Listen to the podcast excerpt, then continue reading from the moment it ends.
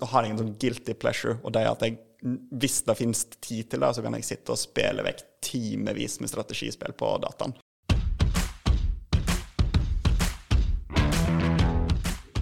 Kampen om stortingsbenken i Sogn og Fjordane er en podkast av Eidin Årdal og Anne Mette Gjelle. I denne podkasten inviterer vi deg bak sceneteppet i valgkampen, og du får bli bedre kjent med ni førstekandidater.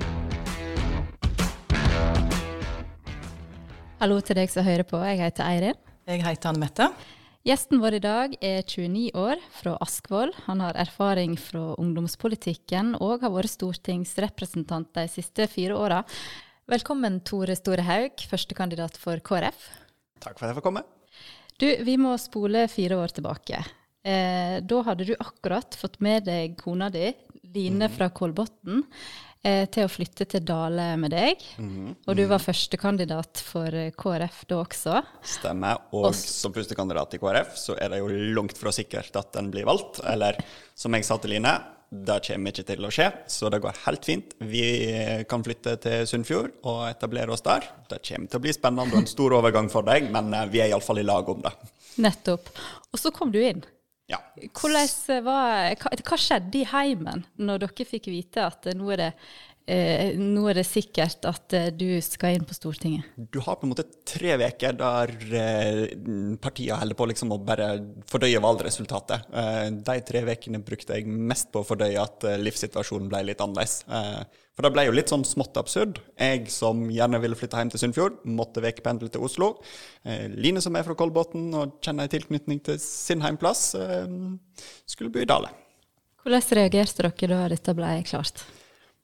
Vi måtte gå noen runder for å finne ut liksom, Vi må få strukturene her til å virke i hverdagen, eh, og lage litt sånn gode rammer for det. Og så gikk det vel eh, ikke veldig mange uker med at jeg hadde ukependla, før Line sa da at eh, Tore, jeg vil ha en hund. Um, og det er en av de gangene i livet der du på en måte du skjønner at liksom det eneste riktige svaret er hva slags hund skal vi ha, Line? Eller hvor mange? Ja, ja for så vidt.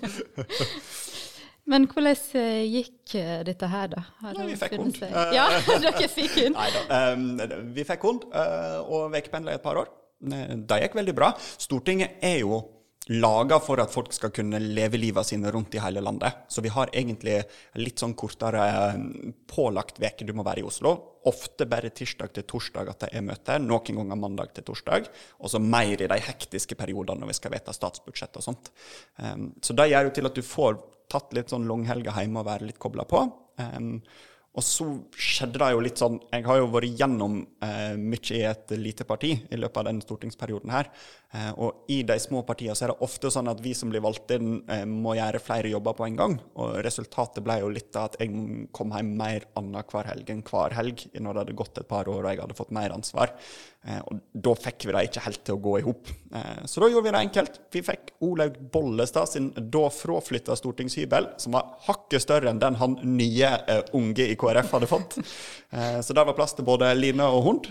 Og så har vi heller gjort det sånn at jeg har fått hjem på Flokenes i Askvoll eh, så ofte som jeg har kunnet. Eh, og hatt eh, muligheten til å komme hjem og etter middag med Line, eller få tatt den liksom, gode koppen kaffe før vi går hver til vår jobb på morgenen. Det, det har vært godt. Men får du henne med deg tilbake til Dale seinere, da? Det får vi se. Og og det, det er litt sånn at Jeg tror det var en av de tingene vi kanskje lærte av forrige runde. At eh, det å stille til valg eh, betyr at det er veldig mye som kan forandre seg i livet på veldig kort tid. Eh, og så må en bruke tid på å tilpasse den situasjonen en står i, og finne den løsninga som funker der en er. Eh, det kommer vi til å måtte gjøre den 14.9. når velgerne har sagt sitt. Ja, for du har jo fortalt at dere er ikke helt eh, enige om hvor dere skal bo i framtida. Nei, vi, vi er nok litt sånn der at vi kjenner på en tilknytning eh, til de plassene vi kommer fra, begge to. Eh, og ja, det, det er jo noe som jeg tror kanskje mange, mange i min situasjon kan kjenne litt på. da. Jeg er jo litt sånn på en måte en, en typisk ungdom fra, fra fjordfylket som har eh, tatt allmennfaglig utdanning og måtte til byen for å få tatt eh, den høyere utdanninga som jeg hadde lyst til å ta. Eh, traff noen som jeg ble veldig glad i, og så må en finne ut hvor en skal slå seg til da, når en kommer i den alderen som jeg er nå. Og det, ja, det må, vi, det må vi finne ut av. Det å være på Stortinget i en fireårsperiode, det fører jo ofte til at en er førstekandidat også i, i neste stortingsvalg. Mm. Eh, hvorfor vil du på Stortinget i en ny periode? Utover det at, faktisk, at det er litt sånn logisk oppfølging. Ja. Nei, men Det er jo fordi en har ikke fått fiksa alt på fire år. Eh, en har fortsatt mange ting som er ugjort. Eh, det er kanskje en sånn ting som jeg ser litt sånn, Hvis jeg skal se litt tilbake på stortingsperioden, en av de tingene som jeg på en måte har, har lært, eller som ble annerledes enn jeg hadde sett for meg, at på Stortinget så er det færre blanke seire enn jeg hadde trodd. Det er mange mange flere ganger at du klarer å flytte en sak litt i rett, rett retning, eller der kompromisset lander litt sånn litt bedre. Men jammen skal du vise deg neste gang denne saka kommer opp, eller når den planen skal rulleres. Da skal du flytte deg litt til, sant? Um, så etter en periode på Stortinget så jeg, har jeg enda litt mer lyst til å fortsette. Uh, fordi uh, jeg ser at det betyr en forskjell uh, hva parti det er som er med og tar beslutningene. Jeg har lyst til å stille opp på partiet mitt. Har lyst til at vi skal få eh, lov til å fortsette å påvirke norsk politikk på bakgrunn av de sakene som, og de verdiene som jeg er opptatt av. Um, og den jobben er ikke ferdig gjort, altså. Men kjenner du på mer eller mindre press nå i forhold til for fire år siden?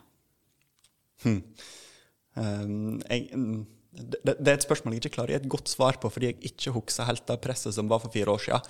Eller det vil si, For fire år siden så husker jeg at motivasjonen var veldig mye knytta til at nå skal jeg stille opp for partiet mitt. Og litt sånn um, jeg, jeg, går ned med flagget til topps, på en måte. Nå bare gir vi gass, og så går det som det går. Uh, og nå er det litt mer sånn jeg, jeg, har jo veldig lyst til å bli med videre. sant? Når vi skal ta litt som de tøffe prioriteringene når oljepengebruken må ned til et mer normalt nivå. Uh, jeg har lyst til å være med og ja, påvirke hvor de, de, litt sånn tøffe prioriteringene vi skal ta da lander. Og føler jeg har en kompetanse som ja, kanskje blir enda viktigere for å bidra inn. da. Men så er ikke det bare opp til meg.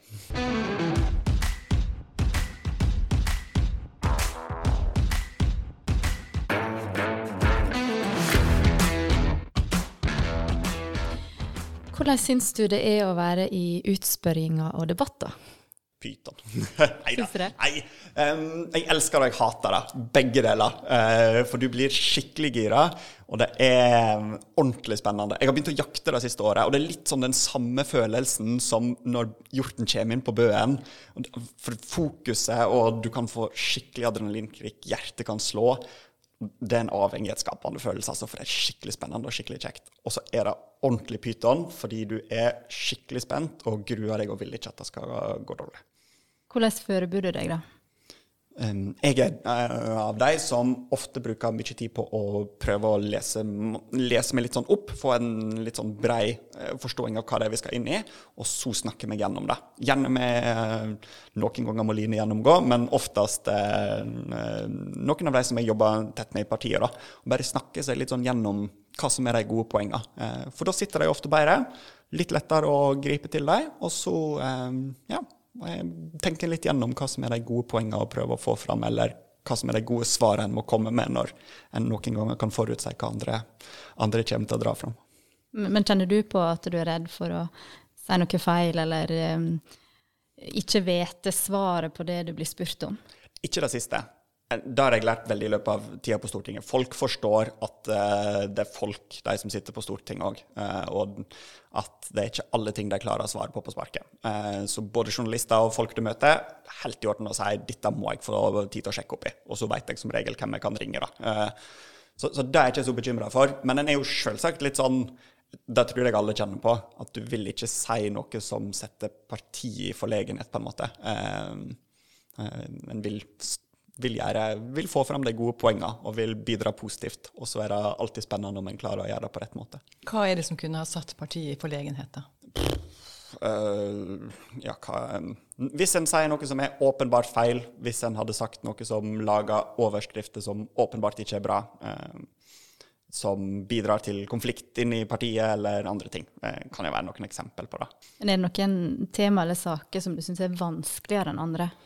Det må være i så fall de områdene der du på en måte vet at debatten i seg sjøl spiller en rolle. Altså der hva slags ord du, eller kanskje spesielt der du ikke kan styre, sant? den du kan havne i en debatt med, eh, hva slags poeng de tar opp, ikke nødvendigvis bidrar til godt fordi debatten er sånn. Eh, eh, F.eks. i innvandringsdebatten er jo kroneksempelet på det. sant? At må mm, ord, ord, betyr noe. Og de temaene som, som, da er litt mer sånn eh, eksplosive, der, der, er det viktig hva slags ord vi som deltar i det offentlige ordskiftet, bruker. Så det kjenner jeg litt på. Abortsaken må jo være ett av deg. Ja, ja, men den er jo Ja, der det er viktig å Og hva ord en bruker, blir, blir tolka eh, fra forskjellige sider hele veien. Eh, ja, så det kan være et eksempel. Og så er det jo en del fokus på spelet. Mm. Eh, altså hvem som skal samarbeide i lag, og uh, hvem som skal være mm. statsminister. Du har jo sagt at du av og til lengter litt til Finland. ja, det finnes jo veldig mange forskjellige måter forskjellige land gjør det her på. Det finske systemet syns jeg er fascinerende. For der er det sånn at reglene Ingen snakker om hvem de skal samarbeide med. Alle stiller til valg på sin egen politikk, og så finner de ut av det etterpå. Etter at velgerne på en måte har sagt sitt.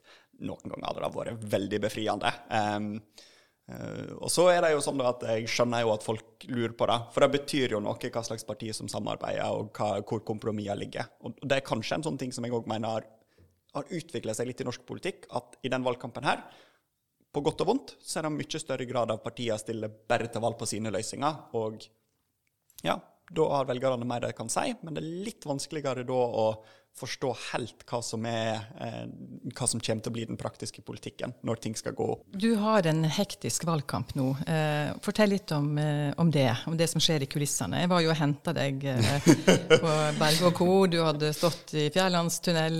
Vil du ha et veldig langt sukk nå? Ikke et, ja, et langt sukk. Men fortell litt om liksom, hvordan dagene arter seg. Det virker veldig hektisk. Jeg, jeg tror den beste måten å gjøre det på er vel kanskje bare eksemplifisere det med den siste dagen. Um, jeg kommer fra Oslo nå.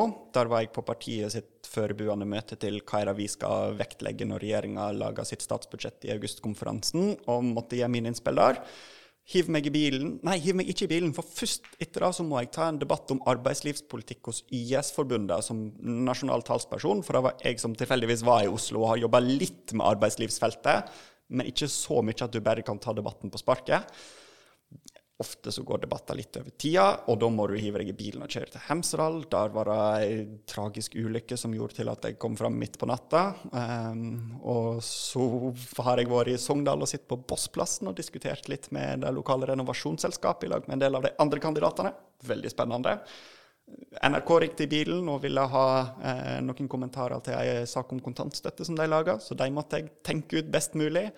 Og hadde lina opp så det skulle passe perfekt med at jeg skulle rekke å levere bilen, som har oljeskift, for jeg har kjørt den to ganger rundt hele Sør-Norge før jeg kom hit. Eh, og da var det veldig fint å kunne bli henta, for da rakk jeg det her bra. Og så må jeg eh, muligens be om skyss ned igjen til sentrum, sånn at jeg når flyet tilbake til Oslo for å få eh, sagt mitt om hvordan neste statsbudsjett som regjeringa skal legge fram, bør være. Og da må jeg si at du er i sentrum. Ja. du bare går over brua. Men vet du hva, det hørtes altså, Er dette en vanlig dag for deg? Sånn har den siste veka vært. Mm. Uh, I perioder er det sånn. Men det er ikke regelen. Og så har du hele valgkampapparatet. Lokallaga, fylkeslag, eh, grupper eh, som, som, organiserer en del ting for deg mm. og hjelper deg underveis. Hva gjør de? Booka møte, sørger for at det er folk som står på stand og bidrar med der jeg kan komme og være med. Um, dele ut brosjyrer og spre det glade budskap. Noen skriver til og med et og annet leserbrev som jeg noen ganger endrer litt på, andre ganger ikke gjør. Ofte når jeg ikke har endra så mye, får jeg veldig mye skryt for hva som står i dem. så, så, du har en gjeng bak deg som bidrar med, med veldig mye. da. Og så er det av og til at det går litt i klabb og babb. Nei, det er noen avtaler som må brytes, og noen debatter som du ja, må takke stemmer. nei til. For eksempel da, så er det jo sånn at eh, en, en, viktig del av valgkampen er jo òg hvem en får henta ut utenfra fylket, som kan bidra til på en måte å skape litt sånn spenning og kan komme med ting eller delta på møter og besøk. Så vi får Olaug på besøk. Eh, det blir kjempekjekt. Eh, men da ryker jo debatten hos Pensjonistforbundet, som jeg har lovd for to og en halv måned å komme, komme til, og som jeg kjente litt på det. Det var, litt sånn Jeg måtte sende den mailen at eh, sorry, jeg, jeg får ikke til å komme. Uh, for jeg husker debatten vi hadde for fire år siden. Da, da var det sånn at vi, vi drog på tre kvarter ekstra fordi det var så trivelig når vi først var kommet i gang med liksom en god politisk samtale mellom salen og, og oss som, som, stilte til valg. Da. Og det syns jeg på en måte var en fin ting. Og litt leit å da si at jeg får ikke til å prioritere det nå. Så skal du jo være i uh, media, sosiale medium. Hvordan er det? Ja. Enten du eller noen av de som hører på, kan jo gå inn og sammenligne de eh, ulike kandidatene sine Facebook-filer, og hvem som er flinkest på å legge ut bilder av seg sjøl, og hvor flinke vi er. Jeg, det renner ikke over på din innlegg? Jeg prøver, men det er, det er litt hardt. Jeg kjenner eh, Det er veldig lett å prokastinere de tinga der med alle tinga jeg føler er viktig å få gjort. Uh, så kanskje ikke det er den delen av jobben jeg syns er mest behagelig, men det er den, en av de delene av jobben som gjør til at du har litt dårlig samvittighet. For du føler at du liksom Litt av den tilliten du har fått til å være førstemann på, på lista, eh, betyr at du har et stort ansvar i å profilere partiet, og da burde jeg ha ringt ned journalister mer enn jeg gjør, og burde lagt ut flere selfier med 'se på meg der', da, eh, enn jeg gjør. Men hva er det du ikke liker med det? Jeg er nå sunnfjording, da. Og Første regel er at du må ete først, og da får du tid til å tenke deg om. Og er det virkelig nødvendig å si 'se på meg der'? Uh, og det å finne andre gode budskap arbeidskrevende og vanskelig. Men hvem syns du er god til det, da? Torbjørn Væreide. Han er flink. Uh, han er ordentlig flink, og han klarer å treffe liksom den der eh, balansen mellom å være personlig og få fram hvem er Torbjørn, og noen ganger tilsnitt av politikk. Eh, han er ordentlig god. Han er jo nordfjording, jeg skjønner. han kan ja, ta en selfie. Han er nordfjording. Begynte å bli skapsundfjording, merkelig nok når det nærmer seg valgkamp. Veldig eh, sikkert en del av strategien, det òg. Men du, hvordan kobler du av, da? Jeg eh, Å, no, gå en tur i skog og mark. Jeg er veldig glad i å fiske. Eh, det er på en måte Ha noen sånne store prosjekt som på en måte der jeg føler jeg lærer noe nytt og føler jeg får oppleve noe nytt. Det har vært veldig viktig for meg, og er viktig for meg òg. Sånn som i sommer så har det store prosjektet vært å lære seg å fiske lysing med stang. Eh, far min er fisker, så jeg har fiska mye lysing med garn. Men da liksom eh, få trekilosfisker som sluker heil makrell som agn, og prøve å liksom lære seg koden på når på døgnet biter og i den og den bakken hjemme, det, det, er sånne ting som gjør til at da kobler jeg skikkelig av og føler jeg får gjort noe annet. Og så har jeg jo hund og kone som er veldig flinke på å bidra til at det blir litt gode rytmer i livet. At en får regelmessige måltid, påfyll av god prat og, eh, og eh, en liten luftetur i ny og ne. Det hjelper veldig på. Um, og så er jeg òg eh, Har jeg en sånn guilty pleasure, og det er at jeg hvis det finnes tid til det, så kan jeg sitte og spille vekk timevis med strategispill på dataen. Hva slags uh, strategispill? En klassiker fra 20 år tilbake som heter Age of Empires 2, der du bygger opp forskjellige sivilisasjoner og går til krig mot eh, nabolandet. Å, timene kan gå. Og det jeg synes er litt morsomt med det, det finnes òg et intervju der Jens Stoltenberg eh, innrømmer at det er òg en av de tingene som han syns er litt sånn kjekt å gjøre når han har altfor mye tid. Eh, og fyren sitter nå i sjefsstolen i Nato. Det syns jeg er iallfall litt sånn Da tør du å si det høyt. da. Ja, det, det, det, gjorde det litt greit, da. Kjente jeg ble litt overraska nå, men uh, jeg, jeg, fikk et sånt bilde av deg uh, som en sånn gamer som sitter og Ja. ja. Jeg, jeg er ikke jeg, jeg, har kjøpt eh, litt sånn bra PC-skjerm. Ellers er det bare er ikke noen sånn skikkelig gamerstol eller noe sånt. Okay. Men, men, for meg så har det òg vært en sånn fin måte å være med kompiser på. Uh, for, for, det er en sånn ting jeg Når jeg har levd et liv som har vært litt sånn hektisk og veldig konsentrert om mye ansvar som en har på jobb, og når en ikke har det, passer på å ta igjen litt ting på hjemmebane, så har jeg vært veldig god på å prioritere de vennene jeg har. Um, så, så da liksom da kunne sitte et par timer og slarve og spille spill i lag, det, det har vært en sånn fin måte å holde litt kontakten med noen på. Og der slo jo liksom litt alderen din inn også, da. Fordi, ja, kanskje. For det gjør jo typisk Jeg er ikke helt sikker på at en del av de mine eldre motkandidater nødvendigvis bruker tida på, på samme måte, nei. Det, det kan godt hende. Ja, ja. Du nevnte jo at uh, det er så masse mer enn uh, en har å gjøre uh, mm. på Stortinget. Er det én sak du tenker at uh, den må jeg?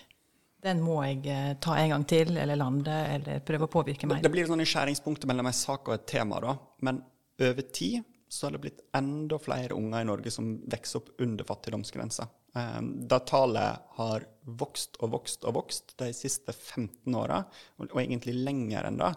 Um, og vi veit hva det betyr for oppveksten til unger når de blir eh, stående utenfor viktige fellesarenaer fordi mamma og pappa ikke har råd til å kjøpe dyrt idrettsutstyr som alle andre deltar på, eller du er den som ikke kan møte opp i barnebursdagen fordi du ikke har råd til, til gave. Um, der må vi gjøre mer. Eh, og så har vi begynt på mange viktige ting når vi i KrF har fått liksom, pusha gjennom et fritidskort som blir rulla ut i, fylke, eh, i kommune til kommune, som skal sørge for at alle kan delta på minst en fritidsaktivitet, eller vi løfter barnetrygda. Men det, det, jo det, det, er fortsatt mye der som er ugjort, da. Og um, vi, vi, trenger en mye større innsats. Eh, så da å liksom faktisk sitte rundt bordet og sier at dette er noe vi må prioritere høyere, da, da har jeg lyst til. Hva skal du gjøre hvis du ikke kommer inn, da? Eh, jeg skal jo bli lærer når jeg blir stor. Eh, Utdanna sånn halvveis lærer, så kanskje jeg må fullføre den utdanninga. Eh, jeg har en gammel rådgiver på, som jeg treffer et par ganger i valgkampen fra Hafstad, som driver og minner meg på at jeg skulle skrevet den masteren som han mener jeg trenger. Så har jeg jo lyst til å faktisk bli lærer. Så hadde det vært kjekt. Jeg har jo vokst opp med en far som har vært fisker, og har alltid på en måte kjent på at der er det noen tradisjoner og en eh, jeg, klarer ikke helt kanskje å finne ordene for hva det er for noe, men det er noe der, når pappa er en av de siste fiskerne som driver med sjark i fjorden hjemme, at ja, det er en, noen viktige tradisjoner og fiskeplasser og levemåter der som jeg òg har lyst til å ta del i og ta med videre. Så det ærlige svaret er at jeg veit ikke helt, men jeg har veldig mange ting jeg har lyst til å gjøre med livet mitt. Eh, og kanskje blir det nå, og kanskje blir det senere. Hvis du ikke kommer inn, blir du um, veldig skuffa, lei deg? Tar du det personlig? Jeg tror alle sammen uh, kjenner på at liksom, når en stiller til valg i et fylke som Sogn og Fjordane, der du, partiet på en måte blir litt sånn førstekandidaten, at en kjenner på ansvaret. Og har jo selvsagt lyst til at partiet skal gjøre det bra og, og bidra til det på en god måte. Um, og så ja, er det jo det det er, på en måte. Så en får uh, håpe ikke det. For vi har gjort ei eh, lita uhøgtidelig undersøking mm. eh, der folk svarer at når de skal stemme, så er politikken viktigst. Mm. Eh, men at førstekandidaten har en hel del å si, eller ganske mye å si. Mm. Hva tenker du om det? Det gir veldig mening.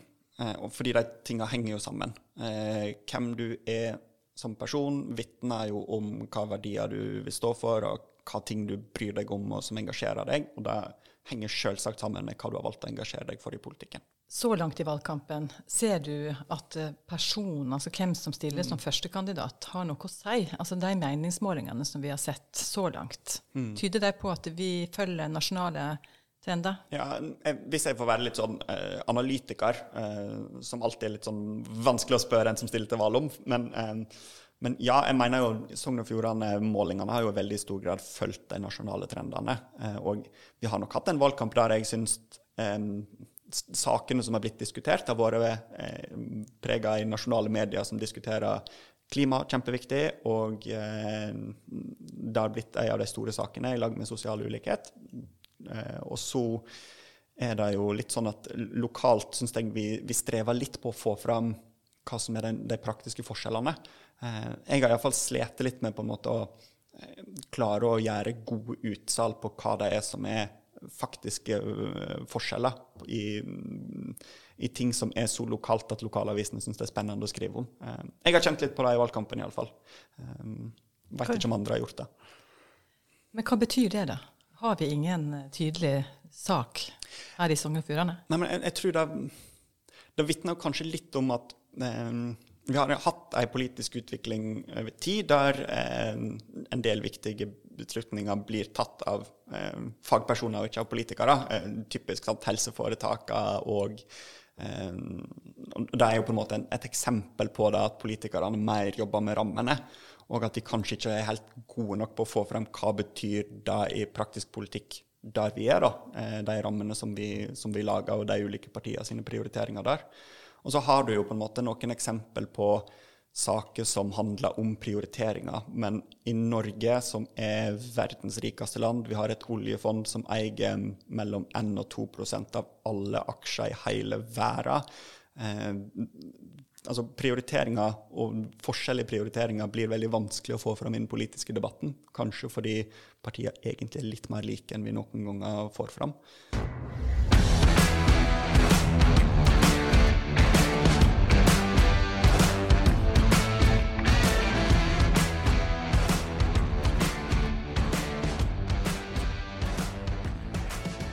Det er fire år siden valgnatta, da du, da det, som endte med at du kom inn på Stortinget. Mm. til, din, eh, til, din, store overraskelse, nærmest.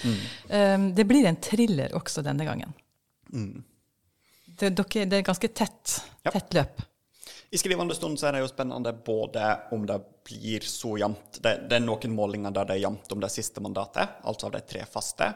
Og så er jo utjevningsmandatet alltid veldig spennende. For, og det som er spennende, er jo at Sogn og Fjordane sitt utjevningsmandat er blant de mandatene som ofte blir senest fordelt i hele landet. Eh, jeg tror det er fordi vi er en liten valgkrins at det skjer. Så jeg bruker noen ganger litt sånn på spøkete måte å si at eh, jeg er landets nest mest utjevna utjevningsmandat. Altså, den, den, eneste jeg slo i forrige valg, var Sveinung Rotevatn. Gangene før det så har utjevningsmandatet i Sogn og Fjordane bare handla om hva partiet har fått nasjonalt, ikke fordi partiet har vært større enn noen andre i vårt fylke.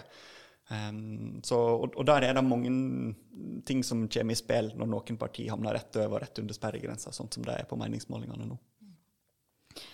Men du, en helt annen ting. Mm. Du ble klubba uh, i Stortinget for uparlamentarisk ja, språkbruk. Mm. Fortell. ja, det har skjedd opptil flere ganger. Og, eh, noen ganger er det fordi jeg lurer på om det handla litt om å være i midten av 20-åra og skulle ha et tøft engelsk uttrykk, og så sliter du med å finne det på skikkelig nynorsk. Eh, har dere et forslag på uh, 'the proof of uh, the pudding is in the eating' på norsk? Altså, Beviset på en måte er hva som er den, den ja, Beviset må være hva som faktisk er der, ikke bare hva folk sier er der. Uh, det, det, har jeg slitt med. Det har blitt klubba for to ganger. Men jeg har òg en gang blitt klubba når jeg eh, anklaga en Arbeiderpartirepresentant for å ha utvikla politisk demens. Eh, da visste ikke jeg at var lov, da. Eh, jeg syns han fortjente det, men eh, jeg så skamfullt ned i stortingspulten et kvarter etterpå når presidenten påpakka at eh, det ikke var helt innafor parlamentarisk språkbruk. Så ikke engelske uttrykk, yes. og uh, ellers høvisk. Ja, og ikke karakteristikk av andre. Mm. Så jeg har lært meg at det jeg burde ha sagt, var at jeg har, eh,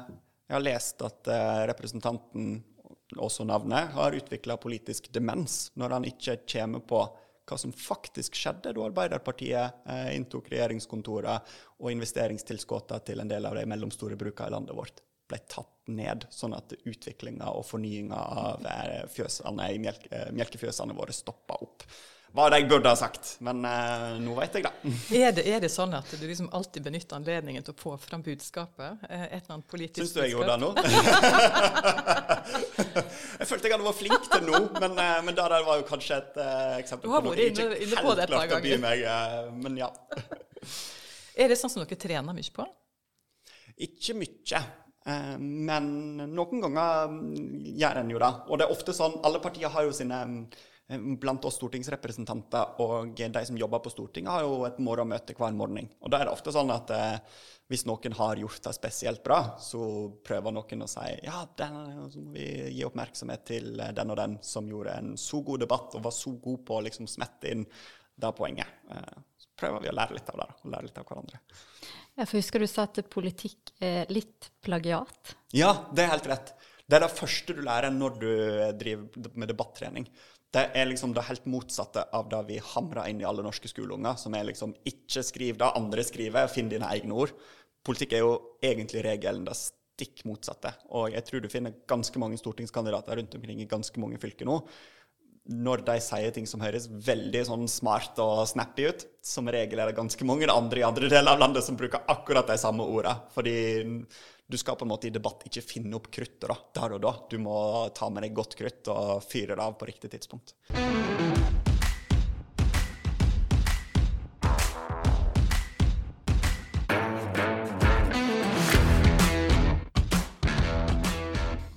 Du, jeg har lest i et intervju med deg at uh, grunnen til at du gikk inn i KrF, det var Hemsedal og ei jente. Ja, det er, det er 50% sant. Uh, men det er noen ganger den sånn historie blir skrudd opp litt mer og litt mer og litt mer. og litt mer. Så det, det var ei jente som spurte om jeg ville være med på konferanse i Hemsedal. Men jeg kan helt ærlig med handa på hjertet si at jeg var der fordi jeg syntes det hørtes litt spennende ut med konferanse i Hemsedal. men det, det, det, ja, det er en morsom historie som kanskje kan, kan uh, menneskeliggjøre politikken litt. da. Det er du som har skrudd den opp? eller? Ja, det er jeg som har gjort det. Det var litt sånn, for Jeg har en kompis som forklarte det, som jeg synes hadde et sånn veldig morsomt poeng da jeg var i ungdomspolitikken. for han sa eh, at jeg kom på KrFU-møtet pga. pizzaen, og jeg ble værende pga. nestekjærligheten. Eh, og det synes jeg var, sånn, et morsomt poeng, men det var ikke noe pizza når jeg ble invitert inn. Eh, og historier med eh, Mor mi har sittet i kommunestyret i mange år og hadde tipsa noen som skulle starte KrFU-lag om at jeg kanskje kunne være interessert, siden jeg hadde tatt ansvar både med å sitte i ungdomsråd og kommunestyret. Det er ikke så spennende! sånn er det jo. Altså Folk de husker de gode historiene, kanskje ja. mer enn politikken, da? Noen ganger. Noen ganger. Det henger jo sammen. Det henger jo sammen. Så, og, og, er, er, er, er det viktig for meg at historie er jo ikke direkte usann, men, men det kan hende jeg har eh, brodert litt i kantene, da. Brodert, det hørtes veldig KrF ut. du, du, sa et eller annet, uh, Tore, som jeg merka meg, og kanskje mm. fordi at jeg har slitt litt med det sjøl, og syns det er litt flaut når det skjer, uh, tidligere år. Og det er at uh, du er litt obs på denne dialekttonen, at, den, at du ikke skal ja. endre på den. Uh, Viktig for meg å prøve å holde på språket mitt. Ja. Uh, og det bruker å gå bra stort sett med språkvalg og ordvalg, og så noen ganger av og til mister litt dialekttonen. Uh, og jeg sleit mest med det når jeg hadde vært når, når du på en måte har vært med unger på Østlandet. Da, fordi jeg tror det er litt sånn ønske om å bli forstått, og så har jeg virkelig ikke lyst til å knote. Men jeg snakker jo annerledes nå enn jeg snakker når jeg er med pappa på sjøen. Da er det jo forskjellige kasuser og eh, et litt annet ordvalg igjen. Eh, så nei, språket er interessant. Og så viser språk hvor du er ifra, da, og, en, og, hva det er du har lyst til å stå for.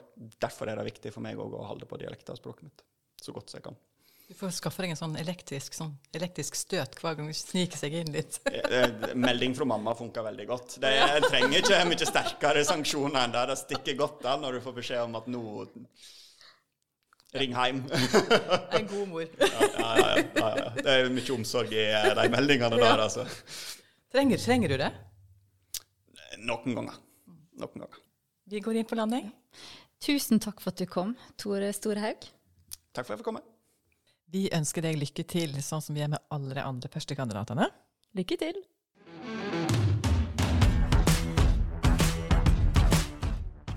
Tusen takk for at du lytta til denne podkasten.